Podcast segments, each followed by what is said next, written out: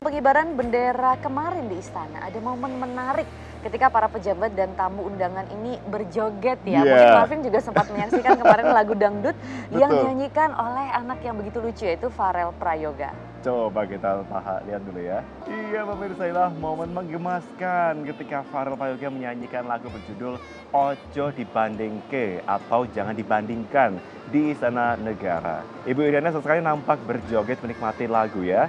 Selain itu para pejabat negara dan tamu undangan yang hadir di Istana Merdeka juga menikmati alunan musik dan berjoget bersama. Bahkan Farel sempat meminta izin kepada Presiden untuk menyanyikan lagu ini dua kali agar suasana lebih menarik. Dan permintaan Farel pun disetujui oleh Presiden. Coba kita simak juga ya. Para hadirin, jajaran menteri, kasat, kasau, kasal pun hadir di sini untuk berjoget bersama yang juga mengiringi tentunya penampilan dari Farel. Sampai turun panggung Sampai ya ini loh, ya. benar, Lihat benar. tuh. Berduyun-duyun bertahap akhirnya semuanya turun. Betul, Kita aduh. juga lihat ini Pak Kapolri. Ya, semuanya. Menteri BUMN di sini pun juga turun.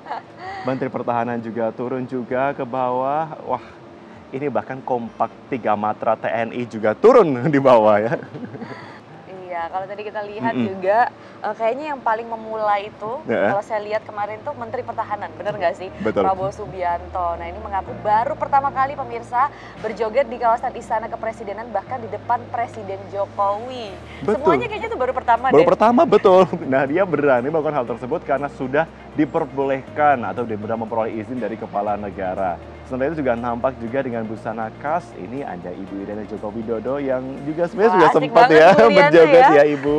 Kayaknya mau Oke. turun panggung tuh, tapi kan ini masih dalam rangkaian upacara. Jadi Betul. akhirnya ada beberapa khususnya inspektur tuh yang memang harus tetap, di Tepat. posisinya masing-masing. Betul sekali Maria. Dan tadi nampak juga sekilas sudah Menteri Kesehatan Budi Gunadi Sadikin yang juga ikut bergoyang karena istrinya yang terlena dengan alunan lagu Ojo Dibandingke.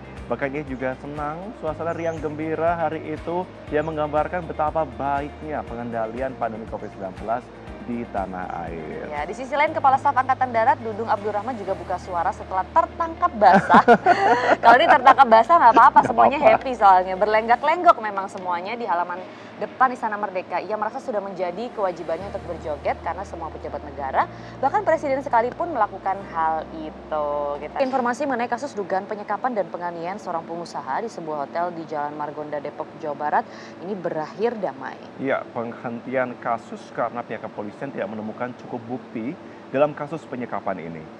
Dalam surat yang dikeluarkan Direktorat Tindak Pidana Umum Reserse Kriminal Polri bahwa berdasarkan hasil rekomendasi gelar perkara, kasus dihentikan karena tidak cukup bukti dalam kasus penyekapan yang terjadi di sebuah hotel di Jalan Margonda Depok, Jawa Barat pada Agustus tahun lalu. Kasus ini berawal ketika Atet Hadiana, dia berprofesi sebagai pengusaha disekap lantaran diduga menggelapkan uang perusahaan sebesar 73 miliar rupiah. Pihak perusahaan meminta korban agar mengembalikan aset dan harta kekayaannya selama bekerja sebagai menjabat sebagai direktur utama. Sebelumnya kasus penyekapan dan penganiayaan yang terjadi pada Agustus 2021 ini sempat mencuat dan viral di publik. Dan selama tiga hari, yakni tanggal 25 hingga 27 Agustus, korban disekap di sebuah hotel di kawasan Margonda, Depok, Jawa Barat. Iya, Direkturat Tindak Pidana Narkoba Barreskrim Mabes Polri mengungkapkan dan memusnahkan ladang ganja di kawasan Aceh Besar. Pemusnahan ladang ganja di lereng Gunung Selawah Agam Aceh Besar tahun ini dilakukan tepat pada Hari Kemerdekaan Republik Indonesia. Secara keseluruhan ada 25 hektar ladang ganja yang tersebar di 9 titik yang dimusnahkan dengan cara dibakar. Ladang ganja ini terungkap dari 11 perkara sebelumnya dengan 29 tersangka dan total barang bukti yang diamankan mencapai 471 kg ganja kering. Dari 9 titik, tiga titik seluas 10 hektar berhasil dimusnahkan pada hari ini. Adapun pengusutan ini berlangsung baik dengan koordinasi bersama Polda Aceh, Polres Aceh Besar, Brimob, serta Ditjen Bea Cukai. Inilah upacara peringatan detik-detik proklamasi pada 17 Agustus 2021 lalu di Istana Negara. Untuk kali kedua, peringatan detik-detik proklamasi digelar tanpa tamu undangan karena masih tingginya kasus harian COVID-19 di tanah air saat itu. Di tengah derap tegap langkah pengibar Sang Merah Putih yang kembali berjumlah 68 orang, setelah tahun 2020 hanya 8 orang, jumlah kasus positif di tanah air pada hari kemerdekaan 17 Agustus 2021 lalu mencapai 20.741 kasus baru, dengan jumlah yang meninggal mencapai 1.180 orang. Angka positif COVID-19 di tanah air saat itu tembus 3,892 juta kasus. Tak ada nyanyian gempita kelompok paduan suara pelajar di istana yang membawakan lagu-lagu perjuangan dan lagu daerah. Untuk kali kedua pula, warga yang ingin menyaksikan langsung pun hanya bisa menghadiri secara virtual. Sekretariat Presiden mengalokasikan sebanyak 40 ribu undangan upacara virtual. Peringatan Hari Ulang Tahun Kemerdekaan Republik Indonesia 17 Agustus 2021 lalu hanya berselang sebulan lewat dua hari setelah awan gelap pandemi tengah pekat-pekatnya. Saat itu kasus positif harian COVID-19 di tanah air menembus angka 56.757 kasus baru pada 15 Juli 2021 akibat varian Delta. Pemberlakuan pembatasan kegiatan masyarakat pun terpaksa dilakukan. Meski secara perlahan kasus menurun jelang tutup tahun 2021, pemerintah pun tak mau ambil resiko kasus kembali melonjak pada saat libur Natal dan Tahun Baru. Pembatasan kegiatan masyarakat pun diberlakukan pada tanggal 24 Desember 2021 hingga 2 Januari 2022. Syarat perjalanan pun diperketat.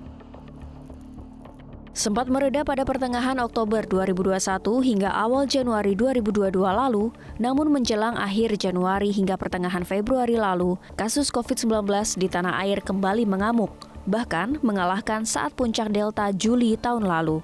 16 Februari, pemerintah menyatakan ada tambahan 64.718 kasus positif COVID-19 di Indonesia, menjadi rekor baru kasus positif harian di tanah air. Kali ini varian Omikron yang menjadi penyebabnya yang masuk terdeteksi ke tanah air Desember 2021. Meski kasus melonjak, namun fatalitas varian Omikron tidak seganas varian Delta. Omikron cenderung memiliki gejala yang relatif lebih ringan, meski menurut Ikatan Dokter Indonesia dianggap 20 kali lebih menular dibandingkan varian Delta.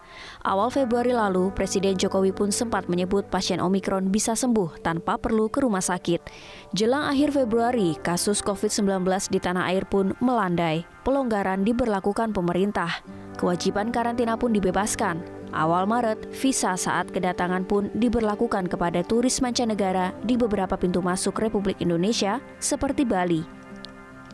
April hingga pertengahan Juni, kasus positif COVID-19 harian Republik Indonesia rata-rata di bawah 1000 kasus. Warga kembali beraktivitas, pusat perbelanjaan kembali ramai, tempat wisata kembali dibanjiri pengunjung. Berbagai pertunjukan seni dan olahraga dengan dihadiri penonton pun kembali digelar.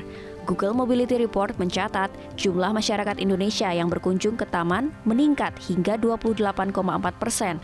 Jumlah masyarakat yang mengunjungi pusat perbelanjaan dan farmasi juga ikut meningkat 25,7 persen.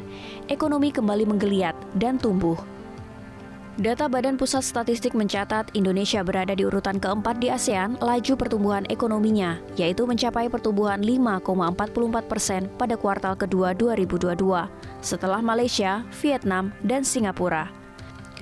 Ahli kantor staf presiden menyebut melesatnya pertumbuhan ekonomi Indonesia didorong oleh kinerja industri pengolahan yang mencapai 17,84 persen dari produk domestik bruto. Jangan lupakan pula konsumsi rumah tangga tumbuh tinggi sebesar 5,51 persen, jauh di atas triwulan sebelumnya sebesar 4,34 persen. Salah satu yang membuat ekonomi warga bertahan adalah keberadaan usaha mikro kecil dan menengah yang mampu bertahan saat digempur pandemi. Meski pandemi berdampak berdampak terhadap 82,9 persen UMKM dan hanya 5,9 persen yang merasakan pertumbuhan positif. Dari sekitar 65 juta UMKM, berkontribusi terhadap 61 persen pendapatan domestik bruto nasional dan mampu menyerap hingga 97 persen dari total tenaga kerja. UMKM pun didorong beradaptasi dengan era digital. Menteri Koperasi dan UKM Teten Mas Duki mencatat 19 juta UMKM telah masuk ke ekosistem digital hingga Mei 2022. Targetnya 30 juta UMKM go digital pada 2024 nanti. Bank Indonesia mencatat jumlah uang beredar pada periode Ramadan hingga Idul Fitri 2022 naik 13,6 persen. pada periode April berada di angka mencapai 7.911,3 triliun rupiah. Peningkatan kegiatan masyarakat juga dianggap menjadi penyebabnya, seiring dengan semakin melonggarnya kebijakan pembatasan mobilitas dan aktivitas terkait perayaan Hari Besar Keagamaan Nasional. Mudik Lebaran pun diperbolehkan pemerintah. Bagi masyarakat yang ingin melakukan mudik Lebaran, juga dipersilahkan, juga diperbolehkan.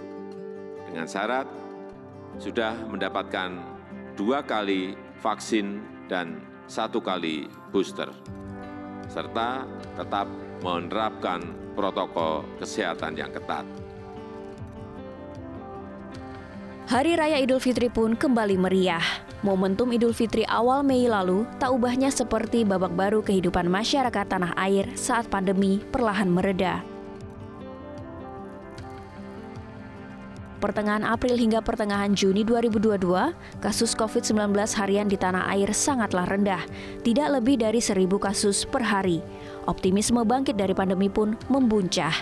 Turunnya kasus COVID-19 dianggap karena telah tingginya tingkat kekebalan masyarakat Indonesia Hasil survei serologi ketiga yang dilaksanakan pada bulan Juli 2022 oleh Kementerian Kesehatan menyebut 98,5 persen penduduk Indonesia memiliki antibodi SARS-CoV-2 penyebab COVID-19. Hasil ini tak lepas dari tingginya capaian vaksinasi di tanah air. Hingga 12 Agustus 2022, 202,9 juta warga Indonesia telah mendapat vaksin dosis 1 dan 170,4 juta telah mendapat vaksin dosis 2, serta 58,2 juta penduduk Indonesia telah mendapatkan vaksin booster COVID-19. COVID-19 memang belum benar-benar pergi dan telah menginfeksi lebih dari 596 juta penduduk dari 233 negara di dunia dan merenggut lebih dari 6,4 juta nyawa. Sejak pertengahan Juni hingga beberapa hari terakhir, kasus COVID-19 masih berfluktuasi dan ada kecenderungan kembali naik. Epidemiologi menyebut ada banyak faktor, selain kendurnya disiplin pada protokol kesehatan hingga mutasi COVID-19 yang terus terjadi. Meski demikian, momentum kebangkitan dan pulih setelah tiga tahun didera pandemi tidak boleh terhenti. Indonesia tak boleh kalah dan menyerah hanya karena pandemi.